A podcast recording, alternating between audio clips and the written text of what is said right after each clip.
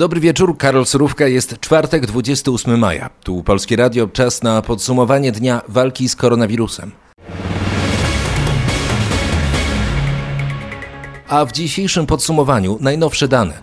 Najwięcej nowych zakażeń znów na Śląsku. Tendencja wzrostowa w tym regionie ma się utrzymać do końca tygodnia. Kończymy testować ostatnią z kopalń. Tam będziemy mieli też trochę wyników dodatnich. 50 miliardów złotych trafiło do firm w ramach pomocy antykryzysowej. 4 miliony 700 tysięcy osób w różnych formach, postojowe, zwolnienie z ZUS-u, mikropożyczki. Do względnej normalności wraca ekstraklasa. Każdy jest spragniony gry i tych meczów. Myślę, że i zawodnicy, i kibice, także czekamy z utęsknieniem na ten dzień. Będą też informacje ze świata. Unia Europejska uruchamia fundusz odbudowy warty 750 miliardów euro.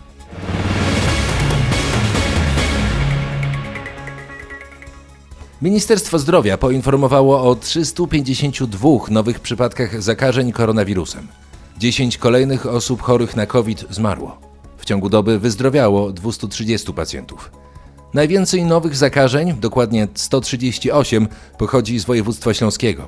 Rzecznik resortu zdrowia Wojciech Andrusiewicz powiedział, że wedle prognoz ministerstwa tendencja wzrostowa na Śląsku utrzyma się do końca tego tygodnia. W dużej mierze są to rodziny górników, które jednak były testowane w kwarantannie, więc tutaj nie ma obaw o transmisję poziomu w społeczeństwie. Te osoby nie mogły zakażać innych osób. W tej chwili są raportowane do Wojewódzkiej Stacji Sanitarno-Epidemiologicznej kolejne wyniki testów. Kończymy testować ostatnią z kopalń. Tam będziemy mieli też trochę wyników dodatnich, ale tu już ognisk dużych nie ma. Łącznie od początku epidemii koronawirusa wykryto w Polsce u 22 825 osób. 1038 pacjentów zmarło. Wiceminister zdrowia Waldemar Kraska powiedział dziś, że jako społeczeństwo musimy nauczyć się żyć z koronawirusem.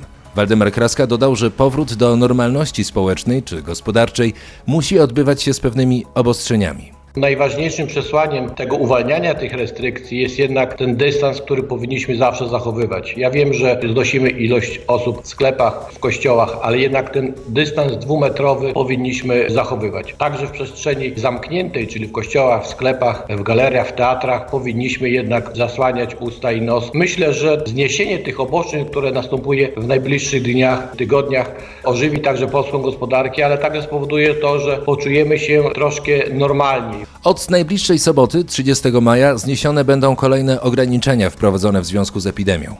Częściowo zniesiony będzie obowiązek zasłaniania ust i nosa w przestrzeni otwartej i w niektórych przestrzeniach zamkniętych. Pojutrze przestają też obowiązywać limity osób w sklepach i świątyniach. Możliwe będzie również organizowanie zgromadzeń publicznych do 150 osób. Premier Mateusz Morawiecki powiedział, że rząd wypłacił już ponad 50 miliardów złotych bezpośredniej pomocy dla przedsiębiorców. Szef rządu powiedział, że rządowa pomoc nie tylko ochroniła miejsca pracy, ale też pozwoliła zachować przedsiębiorcom zdolność produkcyjną. Dzisiaj jest pewien symboliczny dzień, ponieważ przekroczyliśmy 50 miliardów złotych bezpośredniej pomocy dla wszystkich przedsiębiorców. 4 miliony 700 tysięcy osób w różnych formach, postojowe, zwolnienie z ZUS-u, mikropożyczki, wsparcie na zatrudnienie, dotacje zostało wspartych przez ostatnie półtora miesiąca przez, no można powiedzieć, przez państwo polskie. Dziś w harmonogramie Sejmu znalazło się m.in. drugie czytanie przepisów tarczy antykryzysowej 4.0. Rządowy projekt zakłada uruchomienie ponad pół miliarda złotych dopłaty do odsetek kredytów dla firm, które wpadły w kłopoty przez epidemię koronawirusa. W piątek kluby piłkarskiej Ekstraklasy wznawiają sezon po przerwie spowodowanej pandemią koronawirusa.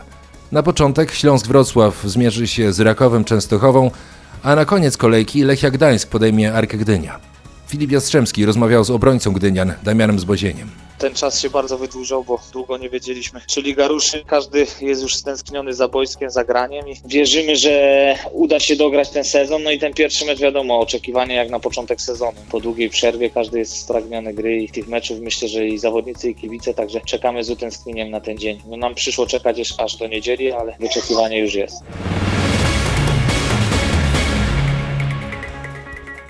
A teraz świat. Globalnie koronawirusem zakaziło się ponad 5,5 miliona osób, 355 tysięcy chorych na COVID-19 zmarło.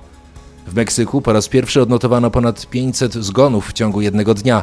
Władze Korei Południowej poinformowały o najwyższym od dwóch miesięcy wzroście zakażeń, a w Hiszpanii rozpoczął się dziesięciodniowy okres żałoby, aby upamiętnić ofiary koronawirusa. Europa pracuje tymczasem nad unijnym funduszem odbudowy po pandemii. Ma on wynieść 750 miliardów euro, a unijny budżet na lata 2021-2027 bilion 100 miliardów euro i pomóc w ożywieniu gospodarczym. To najnowsza propozycja Komisji Europejskiej. Polska jako jeden z największych beneficjentów ma otrzymać ponad 63 miliardy euro.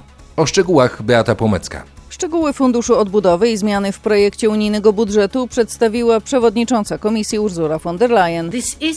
Nadszedł czas dla Europy. To, co zaczęło się od maleńkiego wirusa, przekształciło się w ogromny kryzys gospodarczy. Żaden kraj nie poradzi sobie z tym wyzwaniem samodzielnie.